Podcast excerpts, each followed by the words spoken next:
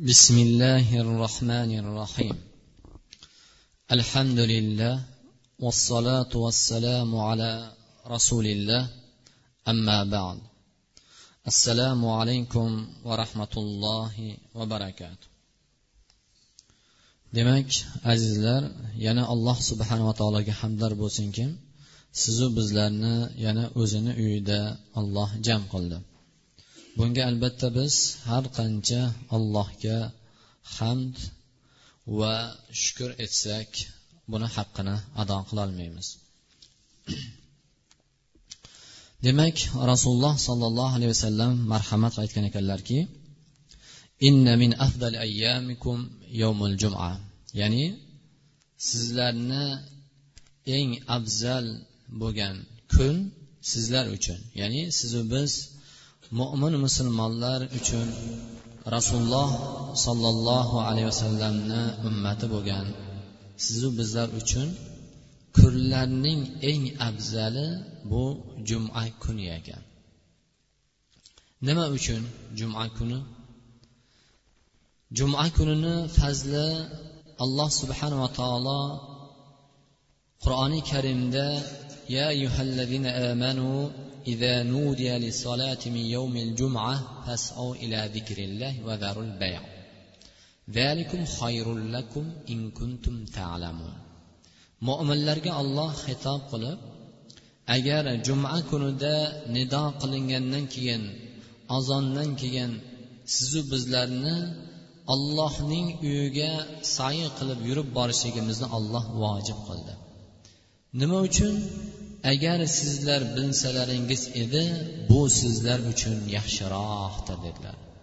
Bu yaxshiligi nima?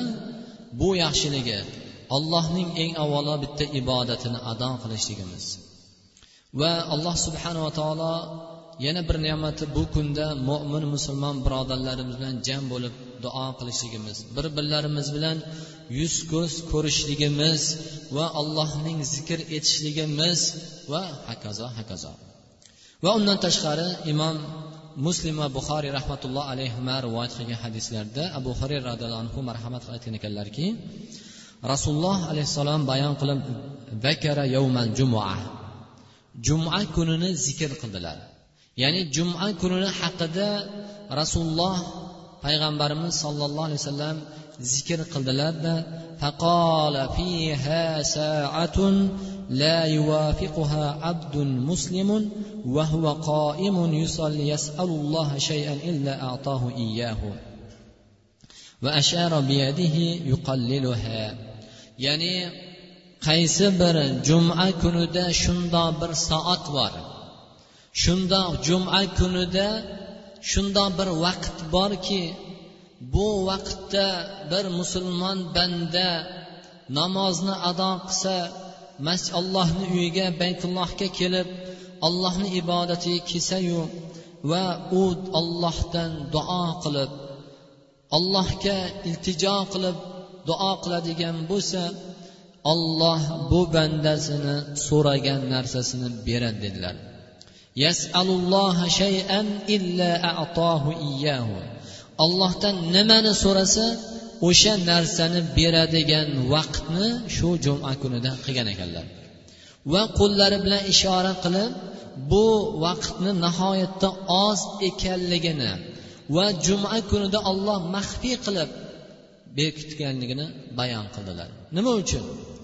Bu vaqtni jumadan keyin yoki imom minbarga chiqqandan keyin degan ya'ni rivoyatlar ham kelgan. Lekin aniq mana shu vaqtda deb muayyan vaqt kelmadi. Bu ham birodarlar sizu bizlar uchun allohni rahmati ekan. Mana shu juma kunida agar jumadan keyin qilingan duo yoki imom minbarga chiqqanda qilingan duo qabul bo'ladigan vaqt mana shu vaqt deb kelganda birodarlar biz bizlar o'zlarimizga juda ko'p zulm qilib qo'yadigan bandalardan bo'lib qolardik.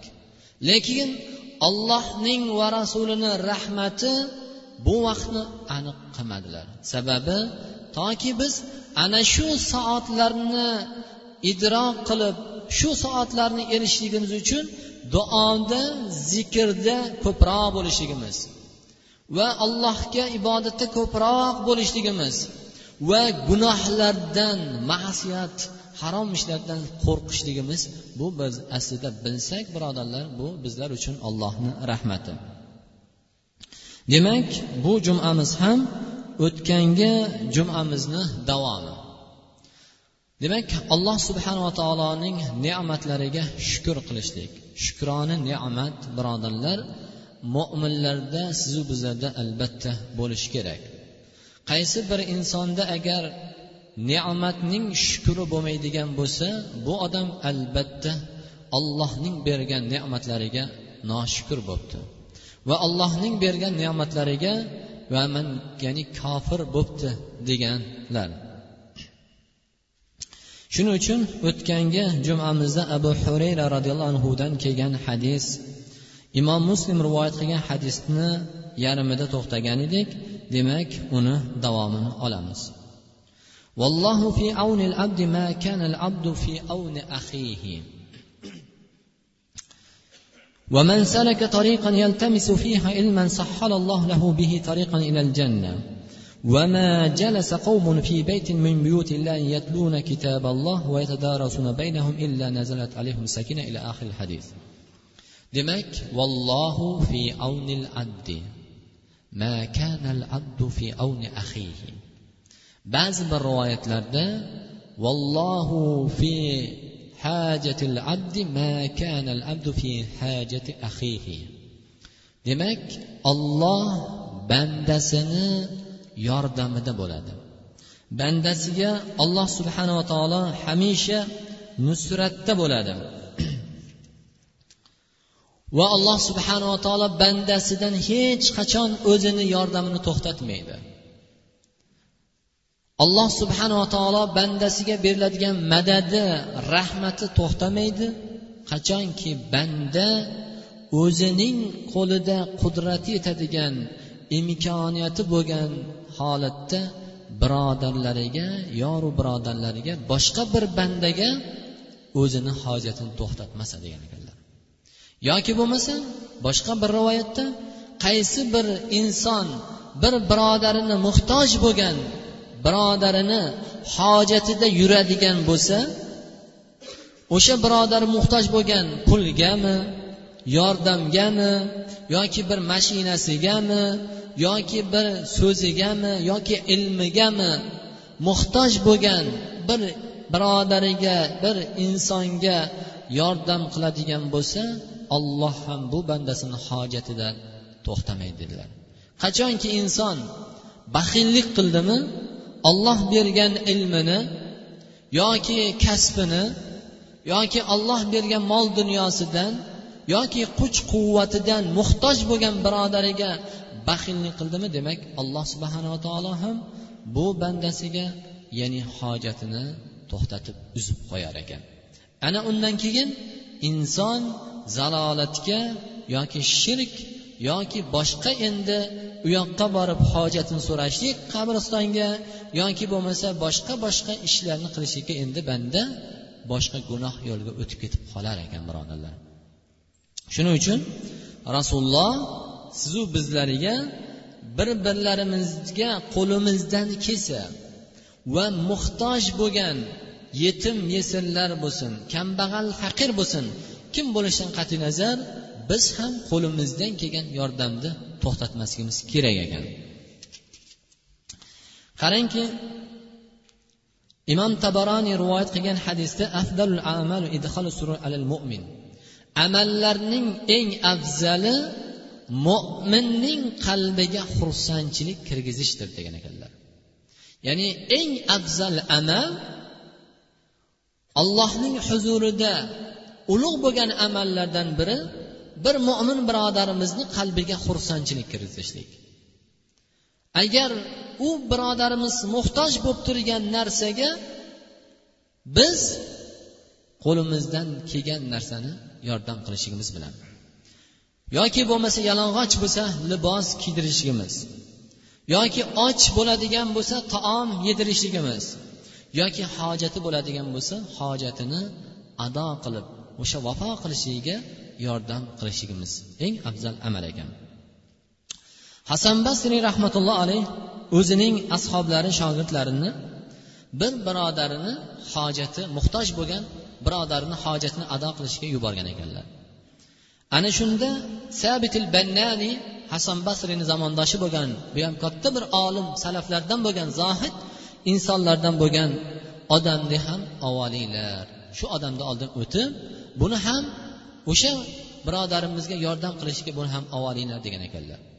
Va bu sabitil bannanini oldiga borganlarida bu kishi ya'ni e'tikofda ekan masjidda e'tikof o'tirgan holatda ekan. Man e'tikofda o'tiribman deganda haligi shogirdlari hasan basriyni qaytib kelib bu odamni holatini hasan basriyga aytgan ekanlar.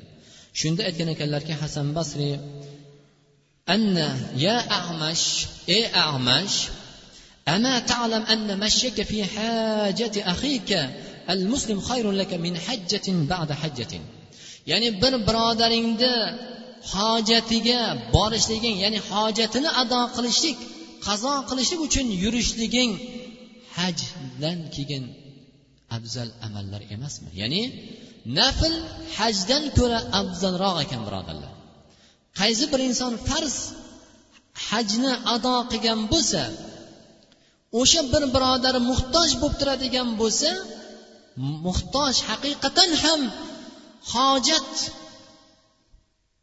zarur bo'lgan inson bo'ladigan bo'lsa unga o'sha hojatini ado qilishligimiz birodarlar nafl hajdan ko'ra afzalroqdir deb aytgan ekanlar.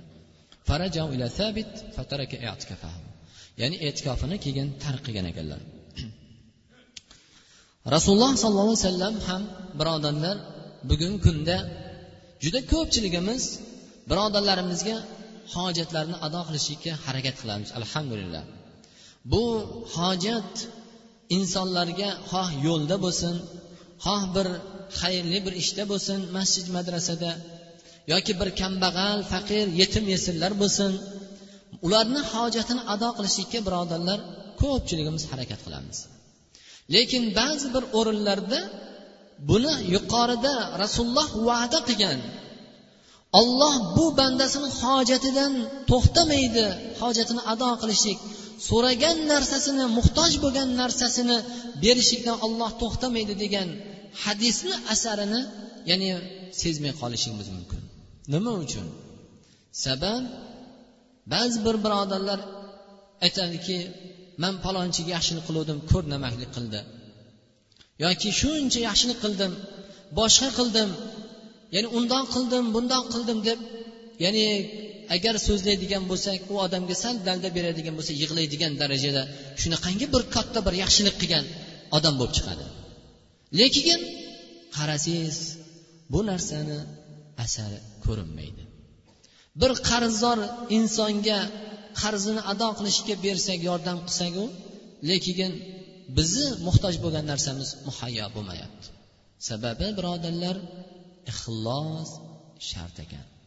Ya'ni qilayotgan amalimizda bir birodarimizni hojatini ado qilishlikda xolis olloh uchun bo'lishi kerak ekan birodarlar. Ya'ni man bunga yaxshilik qiluvdim sezmadiya degan narsa bo'lmasligi kerak ekan. Bir kun kelib manga yo farzandlarimga foydasi tegib qolar degan narsa ham bo'lmasligi kerak ekan birodarlar. Yoki menga falon vaqtida yordam qiluvdi keyin men ham qaytarib qo'yay degan narsa ham bo'lmasligi kerak ekan birodarlar.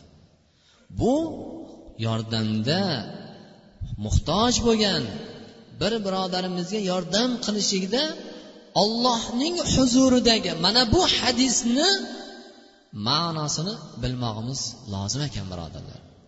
Man bu birodarimga yordam qilishlik bilan bu birodarimni menga muhtojligidan yoki bu birodarimni menga keyinchalik foydasi tegib qolar degan narsa bo'lmasligi kerak ekan.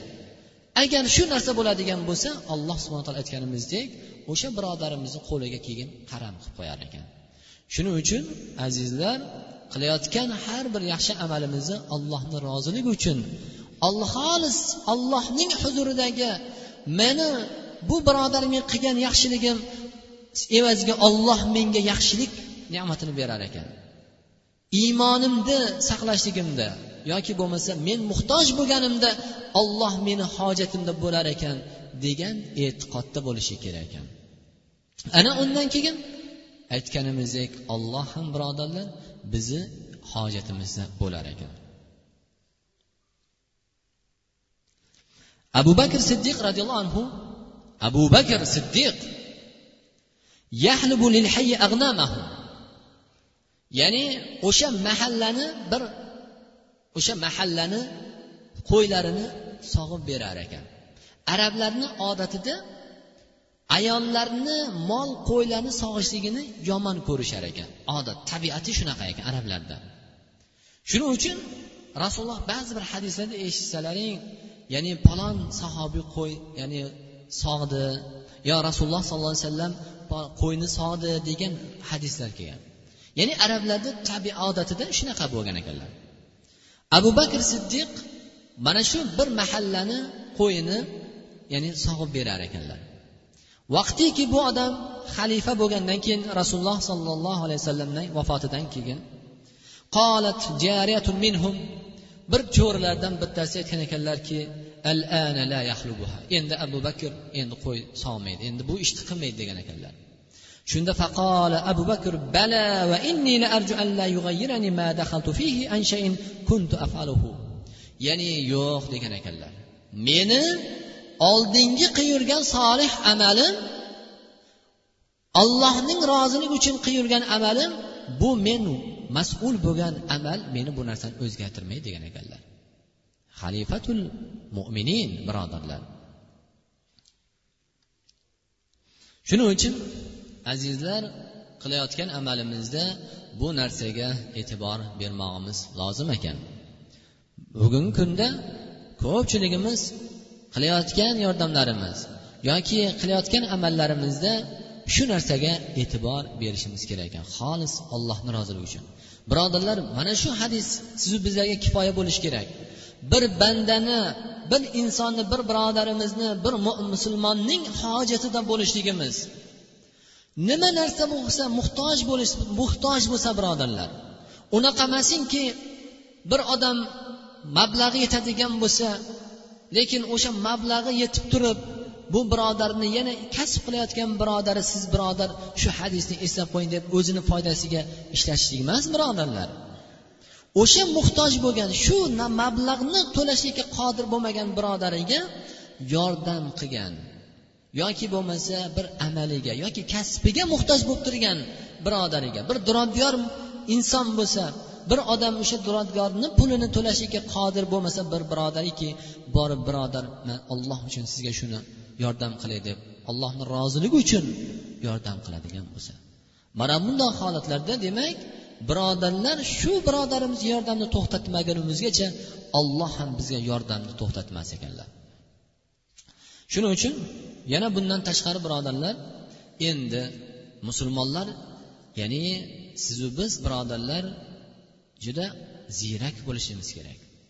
Bir birodarimiz yaxshilik qiladigan bo'lsa qarang islomni adolatini rasululloh sollallohu alayhi vasallam bir hadislarda marhamat aytdilarki agar sizlardan birontalaringizga bir birodaringiz yaxshilik qiladigan bo'lsa sizlar ham qaytaringlar dedilar.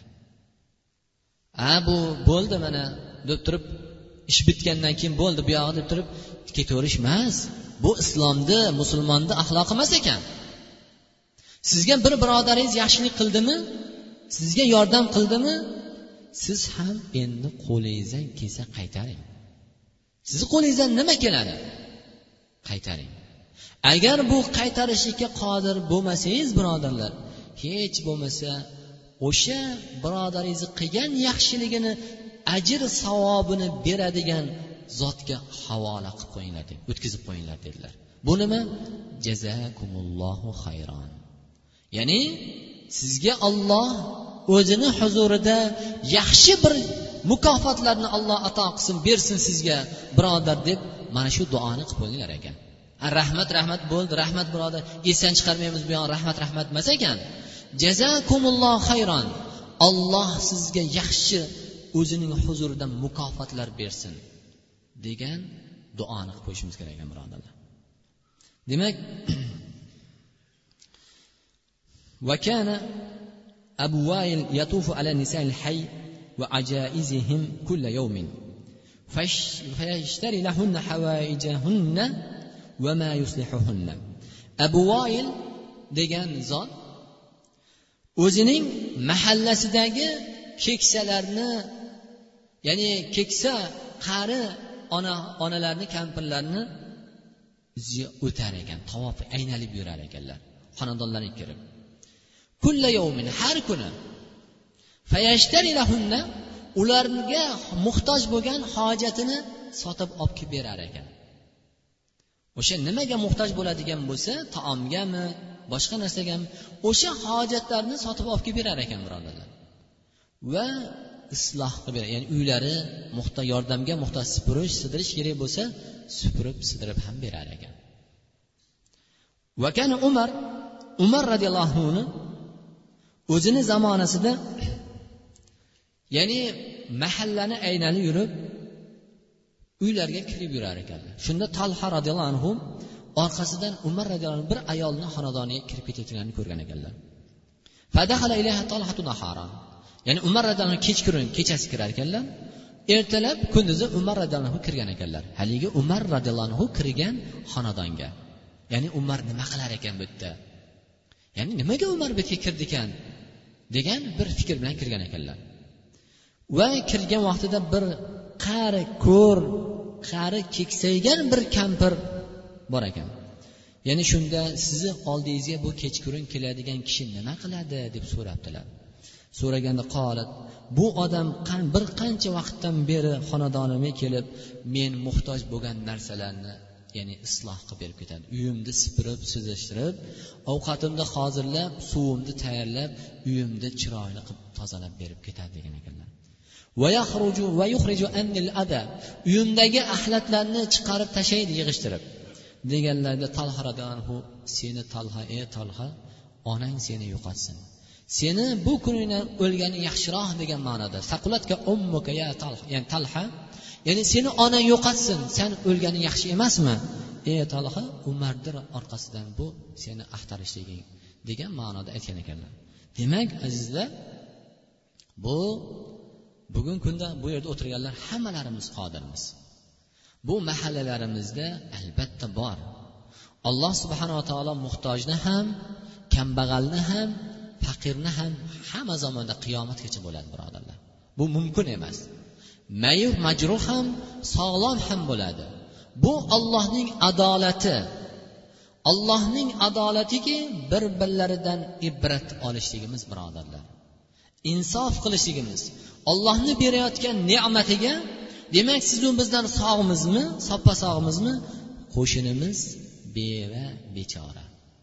Yoki qo'shnimiz qari keksaygan munkillagan bir o'zini hojatini ado qilolmaydigan. Demak ibrat olishligimiz ularga yuqori aytganimizdek yordam qilishligimiz.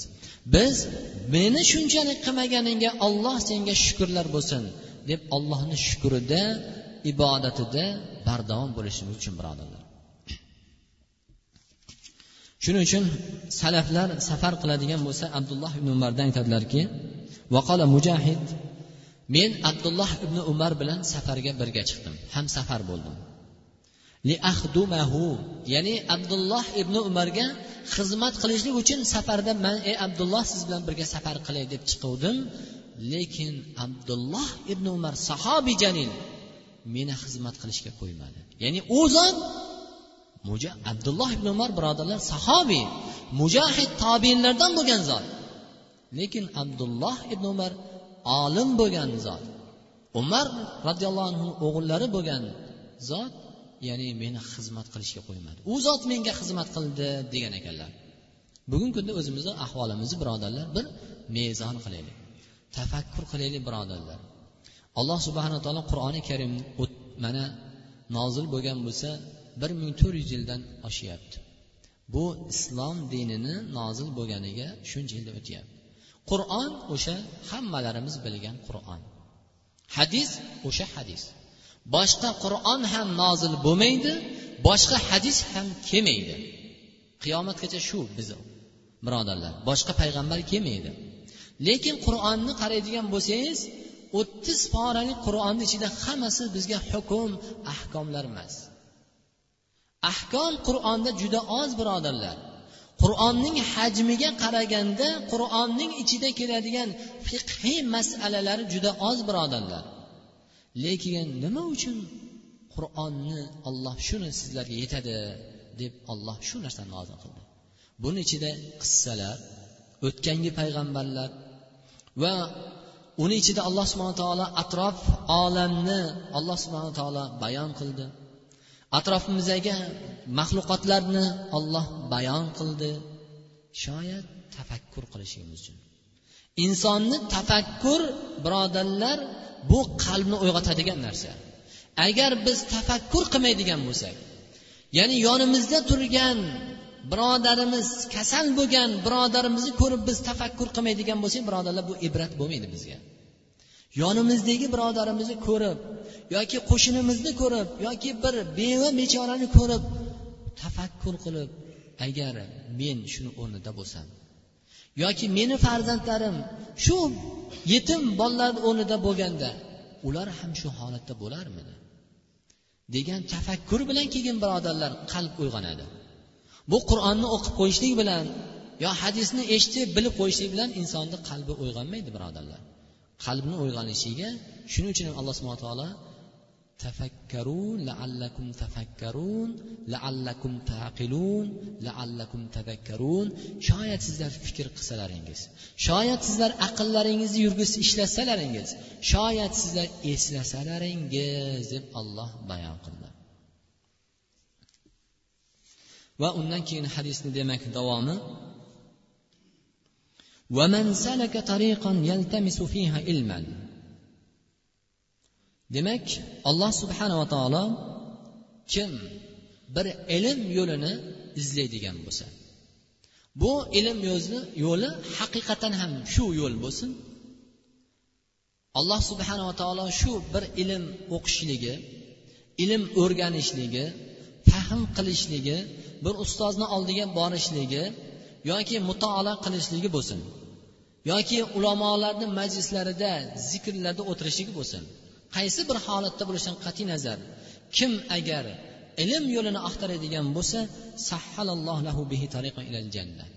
Alloh subhanaa taolo shu yo'li sababidan olloh bunga jannatni oson qilib qo'yadi ya'ni jannatni yo'lini olloh oson qilib qo'yadi bu yo'l xohlasin hissiy bo'lsin yoki ma'naviy bo'lsin.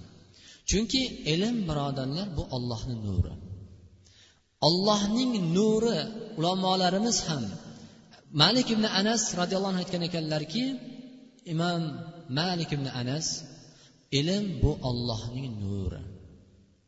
Agar kimga olloh bu ilmni bergan bo'lsa unga amal qiladigan bo'lsa bu odam yo'li ham munavvar bo'libdi ya'ni hidoyatda bo'libdi agar ilmga amal qilmaydigan bo'lsa olloh bu insondan ilmning barakatini nurini olib qo'yadiki lekin uni faqat charchog'i kechalari uxlamasdan o'qigani yoki mashaqqat chekib imtihon topshirganlar qoladi xolos degan ekanlar. Demak ilm bu birodarlar sizu bizlarni nur yo'liga hidoyat yo'liga halol yo'liga boshlamaydigan bo'lsa bu ilm faqat bizlarga mashaqqat olib keladi xolos. Shuning uchun alloh subhana taolo qur'oni karimda ya'ni alloh subhana taolo kim hidoyat istasa bu hidoyat qachon istaydi? Insonning ilm istashligi bilan hidoyat keladi. Shuning uchun dinga kirgan qaranglar bu ilm eng avvalo mahmud bo'lgan ilm oxirat ilmi qur'on va sunnat ilmi ana undan keyin dunyoviy ilm ham birodarlar. Shuning uchun dinga kirayotgan ko'pgina e'tibor bersalaringiz va xabarlarni ya'ni ro'znomalarni jaridalarni o'qiydigan bo'lsak birodarlar ilmlik odamlar hozirgi kunda dinga kirish ko'proq. Dinga kirganda ham mustahkam holatda kirganlar birodarlar ko'proq. Bir jaridalarni o'qiylik. Bu musulmonlar faqat bu qur'on sunnat emas qur'on va sunnatni ham o'ng qo'limizda ushlab chap qo'limizda dunyoviy ilmni ham dunyoda rizqimizni ulug' bo'lishiga barakotli bo'lishiga yoki ishimizni bir kasb bo'lishligiga ham birodarlar dunyoviy ilmga ham mustahkam bo'lishimiz kerak. Shuning uchun alloh subhana taolo ya'ni kim hidoyat ollohdan izlanadigan bo'lsa keyin olloh hidoyat berar ekan. Unaqa emas ekanki bir duo qilib qo'ysa bir otalarimiz yoki bir domla duo qilib qo'ysa bo'ldi bu odam to'ppa to'g'ri jannatga kirib ketadi endi shu yo'lda adashmaydi. Bu jannatga olib bermas ekan. Ya'ni o'zimiz axtarishimiz kerak ekan. Haq yo'lni to'g'ri yo'lni ya'ni zalolga ketmaydigan ya'ni qur'onni hadisni eshitganda o'zicha tushunib olib zalolat yo'liga ketmaydigan yoki oyatdan hadisda o'zicha fikr chiqarmaydigan yo'lni qachon bilamiz? O'qib olimlarimizni ilmlarini bilishligimiz bilan. Va alloh subhana taolo va ata taqvo ana undan keyin biz ularni taqvolarini ziyoda qilib beramiz deb olloh va'da qildilar shuning uchun rasululloh sollallohu alayhi vasallam aytgan ekanlarki inna matalal ulamai fil ardi kamatalin nujumi fis sama يهتدى بها في ظلمات البر والبحر فإذا انتمست نجوم أوشك أن تضل الهداة agar insonlar olimlar yer yuzida xuddi osmondagi yulduzlar kabidir yulduzlarda yo'qol inson adashib qoladigan bo'lsa yo'lini topib ketadi biz bugungi kunda bu ilmdan ham juda ko'pchiligimiz bexabarmiz lekin bu ilm ham bizlarni hidoyat topishimiz adashganimizda yo'limizni topishligimizga ya'ni sabab bo'ladigan ilm bu ham birodarlar. Bu munajjim ilmi emas. Shuning uchun shu ilmni ham o'rganishga bizlar targ'ib qilinganmiz. Va agar bu narsani ilm o'qiydigan bo'lsa dengizda ham quruqlikda ham hidoyatda bo'ladi. Agar bu narsa yo'qoladigan bo'lsa bular albatta zalolatga ketadi degan ekanlar. Shuning uchun birodarlar ilm qachon bizlarga manfaatli bo'ladi aytganimizdek ilmni o'qib eshitib unga amal qilsak. Agar biz o'qigan ilmimizga eshitgan ilmimizga amal qilmaydigan bo'lsak xotirjam bo'ling birodarlar. Bu ilm bizga albatta mashaqqat olib keladi dunyoda ham oxiratda ham. Albatta alloh subhana taolo hammalarimizni iymonda ibodatda sobit qadam qilsin. Birodarlar olimlarni ilmni fazli agar biladigan bo'lsak juda ko'p birodarlarimiz zalolatda yurishligi xato fikrda yoki ko'p gunoh yo'llarda yurishligi o'sha hizbutlar tahrirlarga ham boshqa oqimlarga ham shiyalarmi boshqa boshqa ya'ni zalolatga ketgan ya'ni yo'lda yurganlarni qarasak ham birodarlar ilmni haq ilmni talab qilmaganligi. Yoki ixlos bo'lmaganligi xolis ollohni roziligini topadigan meni ollohni jannatni olib beradigan ilm bo'lishi kerak degan niyatdami ixlosdami yoki o'qiyotgan ilmidami yoki o'sha ilmining johilligida jaholat birodarlar bu har tomonlama jaholat. Bu jaholat faqat namozda emas. Jaholat bu shirkda ham riyoda ham kasbda ham birodarlar zalolatga olib ketadi. Va tijoratda ham ziroatda ham boshqa yo'lda ham ibodatda ham birodarlar jaholat ilmsizlik albatta insonning zalolatga xorlikka oxiratda ham jahannamga olib ketadigan narsa. Shuning uchun shu narsalarga birodarlar e'tibor qilaylik. Va sallallohu ala sayyidina muhammad va ala ajmain. Parvardigoro hammalarimizni qilayotgan eng avvalo duolarimizni qabul qilgin. Alloh bir birlarimizga qo'l ko'tarib turgan azizlar hammalarimizni bir bir birodarlarimizni hojatlarida doim yurishlikka qo'limiz bilan tilimiz bilan pulimiz bilan mehnatimiz bilanmi kasbimiz bilan olloh muhtoj bandalaringni hojatlarida bo'lishga alloh bizlarga muyassar qilgin modomiki biz bu yo'ldamizmi? Olloh sen ham bizlarga o'zingni nusratingni yordamingni rahmatingni parvardigori olloh uzmagin to'xtatmagin parvardigori albatta rasuling bunga va'da qildi va parvardigoro bu duo talabida bo'lgan birodarlarimiz xayrli yo'lda yurgan bu mahallamizni guzariga ham yordam qilib yurgan birodarlarni olloh hamisha alloh ularni xayrli yo'lda o'zing rozi bo'lgan yo'lda yurishga alloh muvaffaq qilgin. Va pullari bilan yordam qilayotganlarni alloh mol dunyolarga barakatlar ato qilgin masjidlarimizga ham xizmat qilib yurgan seni roziliging yo'llarida yurgan birodarlarimiz bor parvardigora yetim yesinlarga kambag'al faqirlariga bemorlarga muhtojlarga yordam qilib yurgan bandalaring bor parvardigor ularni avvalo o'zlari tan jonlarini sihat salomat qilgin. Xonadonlarni fayzli qilgin barakotli qilgin. Kasblariga mol dunyolariga olloh behisob beadad barakatlarni ato qilgin. Bu dunyoda oxiratda alloh ularni o'zing ulug' mukofotlaring jannat bilan mukofotlagin. Parvardigora farzandlari bemor ekan duo talabida bo'lgan bu birodarimizni ham farzandlariga alloh shifo bergin. Farzandlarni bu tortgan dardlarni evaziga ota onalarni gunohlari kafforat qilgin. Olloh bu farzandlarni ham dardlariga olloh o'zing shifo berib ota onalarni ko'zini quvontiradigan ahallarni yoru birodarlarni ko'zini quvontiradigan ularga seni rahmating olib beradigan farzand bo'lishga alloh muvaffaq qilgin. Hammalarimizni xonadonimizni mahallamizni bu aziz vatanimizdan tinchlik xotirjamlik alloh davomiy qilgin. Vatanimizni ichki fitnalardan ixtiloflardan alloh o'zing asragin tashqi dushmanlardan alloh o'zing saqlagin alloh inna nas'aluka al-huda va va va va va ghina va sallallohu alayhi va muhammad. Bi rahmatika ya arhamar rohim